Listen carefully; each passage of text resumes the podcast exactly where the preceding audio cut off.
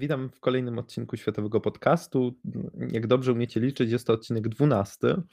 Ostatnio mieliście nieprzyjemność słuchania odcinka prowadzonego przeze mnie i niestety w tym tygodniu również spotyka Was to nieszczęście. Ze mną jest jednak nowy gość, Kuba Knop. Dzień dobry, witam. Dzień dobry, cześć. Cześć Kuba i dzisiaj będziemy poruszać tematy, no których nie lubię. Wyjaśnimy dzisiaj temat imperializmu i jednego i drugiego kraju, jednego, który podupada bardziej, drugiego, który trochę mniej. Jednak, no powiedzmy sobie szczerze, mm, wiadomo o kim mówimy, ale wyjaśnimy to. Wielka Brytania i Stany Zjednoczone. Kuba, czy mógłbyś nam mm, przybliżyć temat, y, z którym do nas dzisiaj przyszedłeś i co nam dzisiaj chcesz zaprezentować? Okej, okay, jasne, z przyjemnością. No to po pierwsze, bardzo się cieszę, że mogę pierwszy raz wziąć udział w naszym podcaście. I temat, którym chciałbym powiedzieć, jest e, to, jakie plany na teatr indo-pacyficzny ma e, nowa administracja w Stanach Zjednoczonych e, pod wodzą Joe Bidena. I generalnie postaram się też nakreślić, jakie plany mogą mieć inni, inne kraje w tym, w tym rejonie, które współpracują ze Stanami. Generalnie chciałem najpierw powiedzieć o pewnej organizacji, o której pewnie wielu z Was nie słyszało. E, jest to Quad, czyli e, tak naprawdę nieformalne stowarzyszenie czterech państw e, Japonii, Indii, Australii i Stanów Zjednoczonych, które tak naprawdę zostało zainicjowane przez byłego premiera Japonii, Shinzo Abe, w 2007 roku. Niestety współpraca ta nie trwała zbyt długo, bo już po roku głównie przez obawy Australii i Indii związane z, z tym, aby nie prowokować zbytnio Chin. Po prostu organizacja została e, zawieszona, może bardziej niż rozwiązana, już po roku. E, tak naprawdę dopiero w 2017 roku z inicjatywy Donalda Trumpa, co, co ciekawe, e, tak naprawdę można powiedzieć, że kład zmartwychwstał, ale no, w tym czasie do 2020 roku odbyło się zaledwie pięć spotkań. Współpraca nie była na tak wysokim poziomie, jakby pewnie sobie tego wszyscy życzyli. I teraz tak naprawdę pod nową, pod nową administracją Bidena wydaje się, że Kład będzie dużo bardziej znaczącym graczem w rejonie. Piąt, w ostatni piątek, 12 marca, odbyło się pierwsze spotkanie, właściwie pierwszy szczyt z udziałem nowego prezydenta Stanów e, Zjednoczonych, e, na którym rozmawiano głównie o planie wyprodukowania około miliardu, miliarda no, y, dawek szczepion, szczepionki, które miały być po pierwsze sfinansowane przez, przez Stany Zjednoczone i Japonię. Produkcja miała odbyć, miałaby się odbyć w Chinach, których sektor produkcji szczepionek jest y, zdecydowanie nakierowany na eksport i do tej pory około 40 milionów dawek już udało im się wysłać do innych krajów. A czwarty członek składu, czyli Australia, miałaby zajmować się głównie dystrybucją, która byłaby nakierowana właśnie na kraje azjatyckie. I tak naprawdę główną ideą tego pomysłu jest e, zmniejszenie chińskiej dominacji w regionie i bo Chiny też jakby w własnym zakresie chciały dystrybuować swoją szczepionkę i przykładem tutaj są Filipiny, które są właśnie takim krajem, który głównie polegał na dostawach z Chin. I to jest właśnie taki plan, żeby taki e, soft power jakby tutaj użyć e, na tych, na tych krajach, aby zmniejszyć ich zależność od, od Chińczyków. No I generalnie poza tym na pewno warto ogólnie powiedzieć, jakie kwestie sporne mogą występować pomiędzy członkami kładu a właśnie Chinami. No i tutaj przykładowo mamy sytuację z e, Japonii, która już od jakiegoś czasu jest tak naprawdę w sporze z Chinami w kwestii wysp Senkaku, które są położone dosyć strategicznym miejscu, bo naprawdę blisko portu szanghajskiego i Tajwanu. Więc tak naprawdę nie ma tam żadnej większej populacji, ale można by tam na pewno dobrze ten teren zagospodarować, że tak powiem, i na pewno utrudnić Chińczykom mm, operacje w tym regionie. No i dodatkowo bardzo, warto skupić się na, na Indiach tutaj, bo tych potencjalnych tutaj punktów zapalnych może być więcej niż w przypadku innych krajów. Na pewno większość z Was słyszała o konflikcie w rejonie Ladakhu w Himalajach, który zaognił się tak naprawdę w czerwcu poprzedniego roku, gdzie zginęło około 20 Hindusów, ale to też te dane są dosyć no, mało wiarygodne. Są tego są tego regionu, więc trzeba chodzić do nich ostrożnie. I ogólnie e, Indie w przednich latach starały się zbytnio nie prowokować Chin, głównie ze względu na, na, właśnie nadzieje jakby związane z chińskimi inwestycjami, też z taką obawą wobec chińskiego potencjału na, jeśli chodzi o chińską marynarkę na przykład, która znacznie przewyższa swoją siłą tą indyjską i prognozy wskazują, że raczej ten trend się nie zmieni, tylko różnica będzie się jeszcze zwiększać. E, no dlatego też Indie od jakiegoś czasu starają się bardziej związać ze Stanami i także z innymi e, członkami kładu. Dlatego też w ostatnim roku, podczas tych ćwiczeń, corocznych ćwiczeń o nazwie Malabar, gdzie do tej pory udział brały trzy kraje, z sojuszu Indie, USA i Japonia. Zaproszono do udziału Australię, no i po raz pierwszy tak naprawdę wszyscy czterej członkowie e, razem wzięli udział w tego typu ćwiczeniach, na co chińskie, na co eksperci piszący w e, różnych chińskich tabloidach, tak naprawdę kontrolowanych przez państwo, reagowali na, na, na takie zdarzenia, mówiąc, iż grozi to powstaniem azjatyckiego NATO, no oczywiście nie byli oni zbyt szczęśliwi z tego powodu, ale no generalnie można zauważyć tutaj tę zmianę jakby polityki wobec Chin w Indiach na twardszą jakby i może nie nakierowaną na konfrontację, bo ogólnie też idea jest taka, zawsze była w Indiach, żeby jakby nie opowiadać się e, stanowczo za jedną stroną, żeby raczej być, szukać kompromisu, a nie konfrontacji, czy to z Chinami, czy to z Zachodem, ale słyszałem też ciekawą e, opinię jednego z dyplomatów, z hinduskich dyplomatów. Ashoka Malika tak się nazywał. E, I on doradza hinduskiemu ministrowi spraw, spraw zagranicznych. Generalnie to była reakcja na to, że Chiny mm, rozbudowują porty na Oceanie Indyjskim, w takich krajach jak Pakistan, z którym właśnie e, mocno też współpracują, czy to też w Afryce, na przykład w Djibouti. Generalnie e, ten ekspert hinduski tak, to, tak na to zareagował, że obecność marynarki chińskiej na Oceanie Indyjskim, zarówno na wschodzie, jak i zachodzie, zmienia tak naprawdę sytuację dotyczącą bezpieczeństwa na morzu e, w podobnym zakresie, kiedy to Europejczycy pojawili się tam po raz pierwszy w XV wieku, więc jest to jakby dla Indii duże ryzyko na pewno, że Chiny tak bardzo stawiają na tą ekspansję na Oceanie Indyjskim. No i cóż, tak naprawdę no Indie mają na pewno sporo tutaj kwestii do rozwiązania z Chinami i na pewno skupienie się na współpracy z, ze Stanami i z innymi członkami kładu tutaj jest preferowane w najbliższym czasie. Ogólnie wrócę jeszcze do Bidena i o tym, e, jakie plany generalnie może on mieć wobec tego teatru. Generalnie warto tutaj podkreślić, że to, to że spotkanie kładu odbywa się tak szybko że zapowie, zapowiedziano właśnie ten plan związany z dystrybucją szczepionek, też e, wszystkie wspólne oper, operacje szkoleniowe na przykład, wojskowe wskazują, że, że Biden raczej skupi się na zwiększaniu więzi z tymi krajami. W taki sposób właśnie będzie chciał jakby zahamować te chińskie zapędy na Morzu Południowochińskim i ogólnie w tym rejonie indo-pacyficznym.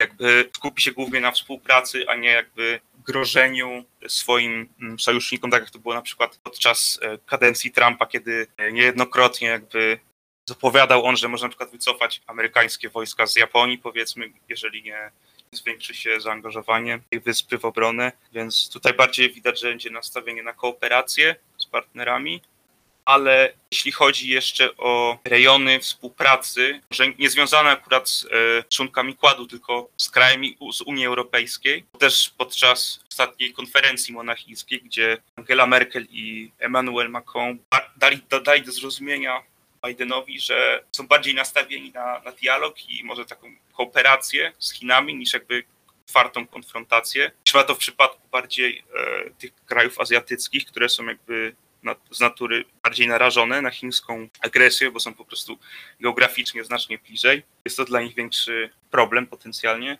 więc jakby głównie jeśli chodzi o współpracę z Unią, nakierowaną w Chiny, to tu można e, na pewno podkreślić kwestię Hongkongu, tego co się dzieje e, z Ujgurami teraz, czy po prostu ograniczania i dominacji ekonomicznej Chin. To są te e, obszary, gdzie można się spodziewać jakiejś tutaj współpracy większej z właśnie z członkami Unii Europejskiej, więc to trochę będzie może mniej zakrojona współpraca niż krajami znajdującymi się na, w Azji i Pacyfiku. Jeszcze chciałem wspomnieć o generalnie o tym, co e, dzieje się w aspekcie militarnym, może w tym regionie. I no jak wiadomo, od wielu lat e, Chińczycy coraz, bardziej, coraz śmielej jakby e, zaczynają się domagać, że tak powiem, swoich praw co do wielu terytoriów, szczególnie na Morzu Południowochińskim. No, ale jak wspomniałem, oni mają konflikty interesów z wieloma krajami. Naprawdę z 15, 17 sąsiadami mają jakieś tam spory, jeśli chodzi o terytoria, ale na morzu szczególnie jakby te działania są mocno kontrowersyjne. Jest to głównie oparte o tą linię dziewięciu kresek, czy, czy Nine Dash Line, to się nazywa, która została stworzona właściwie w, około 100 lat temu, kiedy to z obecnych krajów w, regi- w regionie niepodległa była tylko Tajlandia, więc to jest też ciekawe jakby, że oni powołują się na mapę z, tak, z, z takich czasów i tak naprawdę chcą oni zagarnąć dla siebie około 85% powierzchni tego Morza Południowochińskiego właśnie na podstawie tej, głównie tej mapy, no, co jest dosyć, wy... to jest kontrowersja duża na pewno. No i widziałem też e, takie ciekawe analizy, które pokazywały jakby ten e, rozrost chińskiej e, marynarki podczas ostatnich 20 lat i też prognozy na najbliższe, najbliższe lata. I tutaj głównie w aspekcie bezpieczeństwa Tajwanu na pewno warto na to spojrzeć, bo jakby różnica pomiędzy potencjałem a, amerykańskiej marynarki, a tego, co, co dzieje się z, z chińską, no jakby widać, że różnica się, się zwiększa i jakby przewaga Amerykanów zaczyna topnieć w regionie i tak naprawdę poza tą przewagą w lotniskowcach, to, którą Chińczycy zresztą też już niedługo być może znajdą sposób, e, bo opracowują oni te pociski hipersoniczne i inne bronie tego typu, które tak naprawdę mogą kompletnie wywrócić tutaj e, równowagę, czy ten status quo na, na, w tym rejonie, więc zobaczymy, jak to będzie też w najbliższych latach, czy, czy w najbliższej dekadzie, bo też mówi się, że dekada właściwie e, może być kluczowa, jeśli chodzi o bezpieczeństwo Tajwanu, bo Chińczycy, Xi e, zapowiedział, że do 2049 roku w jakiś, jakiś sposób raczej, raczej Tajwan będzie pod kontrolą Chin, czy to będzie ze, jakąś, ze sprawą militarnej inwazji, czy, za, czy, czy, czy innym sposobem, to jeszcze nie wiadomo, ale na pewno ta dekada może być istotna i jeżeli e, Chińczycy mieliby zaatakować e, tą wyspę, to, to wielu ekspertów amerykańskich na przykład wskazuje, że miałoby się to odbyć e, właśnie w najbliższych latach, aby e, ca cała ta afera z tym związana, kojona do, do tego czasu, do 2049 roku, no, mnie to będą kluczowe lata, wszystko na to wskazuje. No i jeśli chodzi o na przykład ogólnie o chińskie tutaj ambicje, to ostatnio pojawiły się dane na temat nowego budżetu na, na zbrojenia. Tutaj po raz kolejny oczywiście zanotowano duży wzrost. Co roku tak naprawdę tak się dzieje, chociaż w tym wypadku jakby wiemy, że przez COVID też gospodarka trochę gorzej sobie radziła, ale mimo to jakby te coroczne przyrosty zostały zachowane, a w wielu przypadkach nawet uważa się, że Chiny zwiększyły wydatki jakby relatywnie co do poprzednich, poprzednich lat. No i niektórzy jeszcze tutaj eksperci wojskowi w, w Stanach ostrzegają, że jeśli chodzi na przykład o potencjał nuklearny, to też jeżeli utrzyma się ta dynamika jakby przyrostu tych broni w chińskim arsenale, to no, niedługo, niedługo może, możemy znaleźć się w sytuacji, gdzie, gdzie Chiny no, będą mogły nawet posiadać przewagę nad Stanami w tym aspekcie, więc to jest kolejna rzecz tutaj, którą warto określić. Na pewno, no jeszcze wracając do Tajwanu, to w poprzednim roku około 500, zanotowano około 500 naruszeń tej strefy powietrznej, właściwie fachowo to nazywa się strefa identyfikacyjna obrony powietrznej. To jest tak naprawdę takie subiektywne ustalenie przez dany kraj takiej swojej strefy bezpieczeństwa. No akurat w przypadku Tajwanu, który jest, znajduje się bardzo blisko Chin, no jest, jest ona na tyle duża, że te naruszenia jakby dzieją się praktycznie każdego dnia, dlatego jest tego tak dużo. Ale na pewno w ostatnim roku też y, mocno to się nasiliło. Także e, jakby, jakby w odpowiedzi na amerykańskie działania tutaj w regionie, bo w 2020 roku przeprowadzono chociażby ćwiczenia z oddziałem dwóch grup lotniskowców i było to pierwsze tak naprawdę wydarzenie tego typu od 2014 roku, więc Amerykanie też jakby nie, są, nie pozostają tutaj bez winy, jeśli chodzi o zwiększanie napięć jakby w regionie.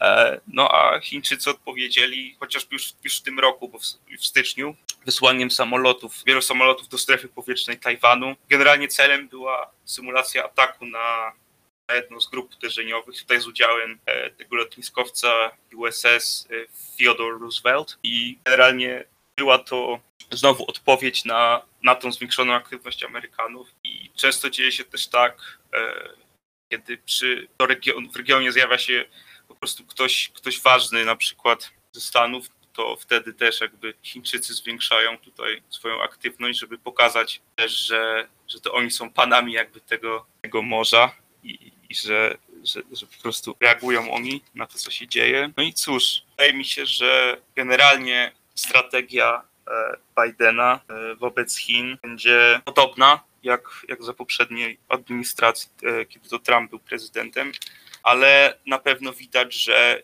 jest tutaj zmiana jakby, powiem tak, może cel, cel jest ten sam, ale po prostu Biden chce użyć innych środków, czyli tutaj jakby skupić się bardziej na współpracy z partnerami, a niż na jakby, niż na szukaniu konfrontacji albo po prostu prowokowania Chin i też E, mniejszego zaangażowania we współpracę z tymi wszystkimi partnerami. No I nawet widać po tym, kogo Biden wybrał, jakby do jakich ekspertów wybrał. Sekretarz stanu Anthony Blinken jest też jakby znany ze swojego mm, podejścia e, do Chin, które jest, no, że tak powiem, mało takie no, no, mocniej ostrzejsze, nie wiem, jakby powiedzieć, jest takim hołkiem, jest jakby administracji jest po prostu bardziej nastawiony na. na...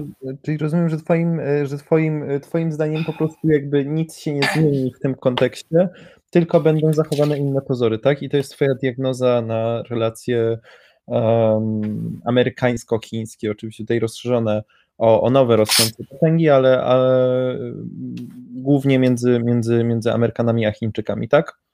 Tak, generalnie jakby cel pozostaje ten sam i nawet e, Departament Obrony Stanów Zjednoczonych e, już, już po, po tym, jak Biden objął, objął tutaj prezydenturę, określił Chiny jako problem Chin po prostu, określił jako największe strategiczne wyzwanie po prostu z perspektywy obrony, więc no, na pewno Chiny dalej będą głównym strategicznym rywalem Stanów, ale tak jak mówiłem, raczej będzie większy nacisk położony na prostu współpracę z, z krajami w regionie. Tak? Na szczęście Indie e, zaczynają bardziej być e, chętne do współpracy z USA i z innymi tutaj partnerami, jak Australią czy chociażby Japonią, więc wydaje się, że no, nie, nie, nie wiem, czy powstanie z tego azjatyckie NATO. Pewnie też niektóre kraje, jak Indie, boją się, żeby aż tak, żeby to nie poszło za daleko może w aspekcie militarnym, ale no, na pewno widać tutaj, że, że, kraje, że kraje te w końcu mają wspólne interesy, tak? Dobrze, czyli rozumiem, że y, teraz możemy przelecieć dalej, właściwie przenieść się do, do narodu matki. Tak w pewnym sensie można określić e, Wielką Brytanię wobec Stanów Zjednoczonych.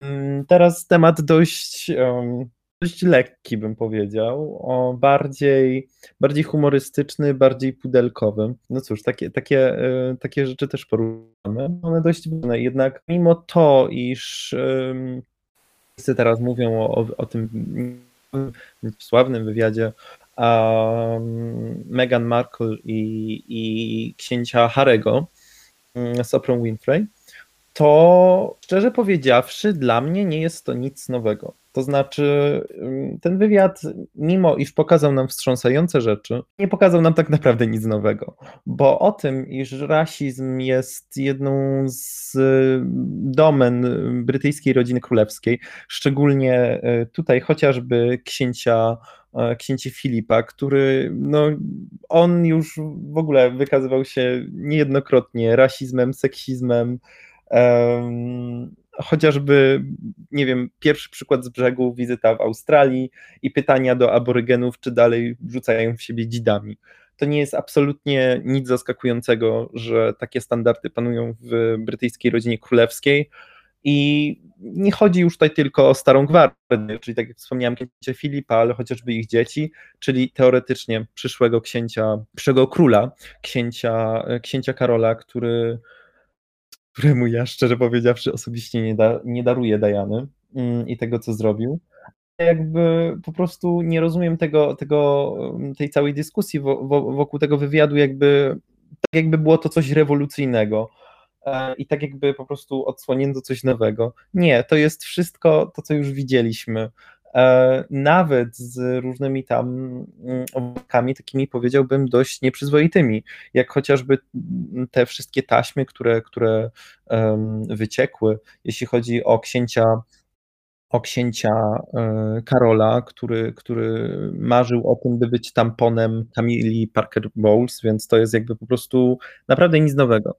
Ale jedna rzecz, którą ja bym chciał poruszyć, to nie wchodzenie w to, jaka jest ta rodzina królewska, bo ja mam dość jednoznaczną opinię i, i dla mnie to, że w środku Europy i w ogóle, że tyle krajów europejskich do tej pory ma, e, ma monarchię, ma coś takiego jak rodzina królewska. Chciałbym przejść do tego, jaka może być przyszłość właśnie monarchii, nie tylko w Wielkiej Brytanii, ale również w innych krajach, chociażby e, europejskich, bo na tych chciałbym się skupić. Jeśli chodzi o Wielką Brytanię, to mimo wszystkich niepopularnych um, skandali, czy obyczajowych, czy finansowych, właśnie między innymi z Filipem, z Karolem, z wieloma innymi członkami rodziny królewskiej, to, to chciałbym po prostu tak rozwinąć to w stronę taką, dlaczego w ogóle rodzina królewska do tej pory jest e, potrzebna i dlaczego ludzie do tej pory chcą mieć tę rodzinę królewską. Obecnie sondaże kształtują się mniej więcej na poziomie około 70-80% poparcia dla utrzymania mm, monarchii w Wielkiej Brytanii. Szczerze powiedziawszy, jestem tym zaskoczony, ale wydaje mi się, że w przypadku Wielkiej Brytanii wynika to ze specyfiki e, tego narodu i z jego historii. To znaczy, doskonale wszyscy wiemy, że Wielka Brytania wielka już jest tylko z nazwy. E, a ostatnimi decyzjami, mm, takimi jak Brexit, e, tak naprawdę mm, Wielka Brytania sama decyduje się na izolację na arenie międzynarodowej. I to zjawisko będzie coraz bardziej postępować, a erozja Wielkiej Brytanii będzie się w ciągu najbliższych kilkunastu lat coraz bardziej widoczna. I moim zdaniem poparcie dla monarchii Wielkiej Brytanii jest tak wysokie, ponieważ po pierwsze jest to jeden z niewielu elementów, który scala, e, scala Zjednoczone Królestwo, a po Brexicie wydaje mi się, że może być z tym problem, szczególnie, że tutaj właśnie chociażby Szkocja wyraża coraz silniejsze chęci wystąpienia ze Zjednoczonego Królestwa i wstąpienia do Unii Europejskiej z powrotem. Także wydaje mi się, że to może być jeden z powodów, dla którego Brytyjczycy są tak, tak entuzjastyczni w tym momencie e, wobec, e, wobec e, monarchii, no bo jednak ta królowa to jest dla nich coś, coś takiego, co ich wszystkich jednoczy. A wydaje mi się, że gdyby wprowadzić tutaj republikańską formę rządów i, i byłaby kolejna, kolejna instytucja, chociażby w postaci prezydenta, która byłaby elekcyjna i te napięcia między, między, między, między narodami byłyby coraz silniejsze. Wydaje mi się, że to mogłoby e, pogłębić tylko kryzys w Wielkiej Brytanii. No ale tak naprawdę, moim zdaniem, jeśli chodzi o Brytyjczyków, to tutaj to nie zachodzi aż tak daleko w tej analizie, dlaczego tak bardzo kochają królową i ogólnie monarchię, tylko dlatego, że po prostu jest to dla nich jeden z symboli, który symboli bycia wielkim kiedyś. E, widać ewidentnie, że Wielką Brytanię boli to, jak bardzo straciła na znaczeniu przez ostatnie kilkadziesiąt lat. Mm, I wydaje mi się, że właśnie ta instytucja królowej, króla, to jest coś, co po prostu daje im taką, takie, taki, takie ziarenko, taką nadzieję, że jeszcze kiedyś będziemy wielcy.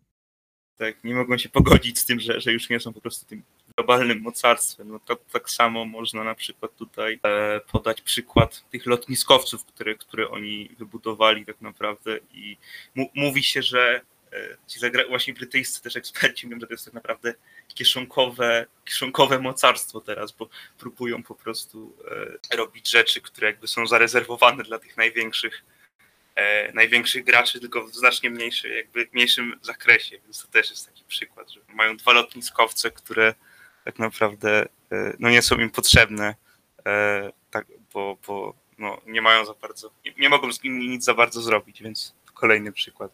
Tak, tak. Znaczy, wydaje mi się, że Wielka Brytania no już dość mocno straciła na roli i, i, i to tutaj nie potrzeba dawać wielu przykładów, bo wszyscy widzimy, jak jest.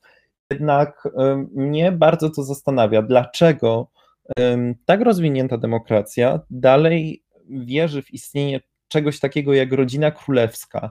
Dlaczego w ogóle wierzy się w coś takiego, co jest sprzeczne ze wszystkimi wartościami, które ja wyznaję? Bo dla mnie to, że e, w kraju jest instytucja głowy państwa, która jest absolutnie nieelekcyjna, e, płaci się za utrzymanie tych celebrytów, bo tak naprawdę większość rodziny królewskiej nie robi dosłownie nic, nie jest odpowiedzialna za nic, a przy okazji nie promuje nic dobrego. No przecież chociażby właśnie Karol czy Filip, to jest jedna wielka tragedia. I przepraszam bardzo, ale jakby naprawdę Brytyjczycy, nie rozumiem was, nie rozumiem dlaczego tak bardzo kochacie mm, swoją monarchię. Ja wiem, że Ela jest fajna, że oczywiście kawusia, kapelusiki i tak dalej. No przepraszam, ale. A nie, nie kawusia, herbatka, przecież to jest Wielka Brytania. Herbatka, ale mnie no teraz zamordują. Ale no jest to jedna wielka tragedia moim zdaniem i jestem ciekawy, wydaje mi się, że to są te powody, dla których Brytyjczycy dalej chcą mieć tę monarchię, bo te argumenty finansowe o tym, że to jest, e, że tutaj turystykę to napędza i tak dalej, ja tego nie kupuję. Moim zdaniem te dane, które są podawane, że to, że przez to, że w Wielkiej Brytanii istnieje monarchia, to napędza na tyle turystykę, że E, to są zyski liczone w miliardach funtów rocznie. No ja, ja w to nie wierzę. Jednak powiedzmy sobie szczerze, że to nie jest problem tylko Wielkiej Brytanii, bo chociażby inne kraje europejskie, jak na przykład Dania, również mają, mają rodziny królewskie, tylko że w ich przypadkach te rodziny królewskie wyglądają trochę inaczej. To znaczy, jak już wspomniałem, te danie możemy zostać przy tym przykładzie. E, królowa Małgorzata II, ona, ona jest na tronie od lat 70. i w momencie, kiedy ona wstępowała na tron, no tutaj, tutaj w przypadku e, Danii właśnie w latach 70. E, poparcie dla monarchii wynosiło niespełna 40%, więc tutaj wskazywano Danię, że może to być jeden z krajów, który stanie się republiką. Obecnie natomiast o, poparcie dla y, ogólnie monarchii w Danii, a szczególnie dla, y, dla królowej Małgorzaty II wynosi ponad 85%. E, było to związane z dość popularnymi, e, z, z dość popularnymi zachowaniami e, królowej Małgorzaty, tym, że ona jest dość otwarta, dość postępowa, nie promuje właśnie tego skostniałego systemu, tak jak w Wielkiej Brytanii. Natomiast trzeba przyznać, że no to jest dalej, dalej, dalej dzielenie ludzi na lepszych i gorszych, tak? Na ten, na, na, na, ten, na ten klasizm, którego po prostu nie mogę zdzierżyć i to, że naprawdę istnieje w demokratycznych krajach instytucja głowy państwa, która jest absolutnie nieelekcyjna. No ale też nie oszukujmy się, że tak naprawdę te, te, te głowy państwa głowami są tylko z nazwy, bo nie robią dosłownie nic, nawet myśleć nie muszą, no bo, no bo nie mają żadnych, żadnej odpowiedzialności. Um, więc tutaj uważam, że jest to dla mnie bardzo interesujące zjawisko, dlaczego do tej pory ludzie, e, ludzie wspierają monarchię e, w krajach takich rozwiniętych, z naprawdę rozwiniętą, starą demokracją. Absolutnie tego nie rozumiem i jestem ciekawy, czy przypadkiem e, no na pewno nie wywiad Meghan i Harego, ale czy przypadkiem za kilka lat nie będziemy oglądać e, upadku części monarchii, ponieważ, no nie oszukujmy się, jeżeli Elżbieta II, tak jak w przypadku Danii, cała popularność monarchii wzrosła ze względu na popularność królowej, tak samo uważam, że stało się w Wielkiej Brytanii. Ona jest tą osobą, która jeszcze trzyma to wszystko w ryzach. I sympatia Brytyjczyków e, i, i też w ogóle innych ludzi, bo przecież tutaj e, to jest też to jest też narzędzie, którego często używa się w polityce e, zagranicznej, prawda? Spotkanie z królową jest uznawane za coś po prostu niesamowitego i wyróżniającego.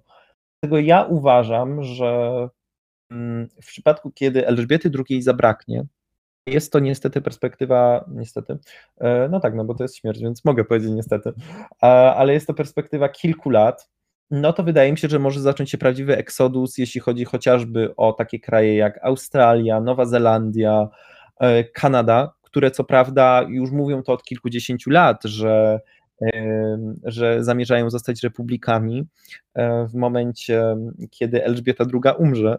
Tylko, że jest to zabawne, bo ja czytałem dokładnie takie, takie postulaty w artykułach czy w dokumentach z lat 80., 70., 90., no a dalej Elżbieta trzyma się mocno. Referenda niektóre były, chociażby w Australii, i minimalną przewagą e, wygrali wtedy monarchiści, ale to ze względu właśnie na e, specyfikę ułożenia pytania, bo tam e, proponowano zastąpienie głowy państwa w postaci królowej, głową państwa wybieraną nie bezpośrednio przez obywateli, tylko przez parlament. I to się właśnie ludziom nie podobało.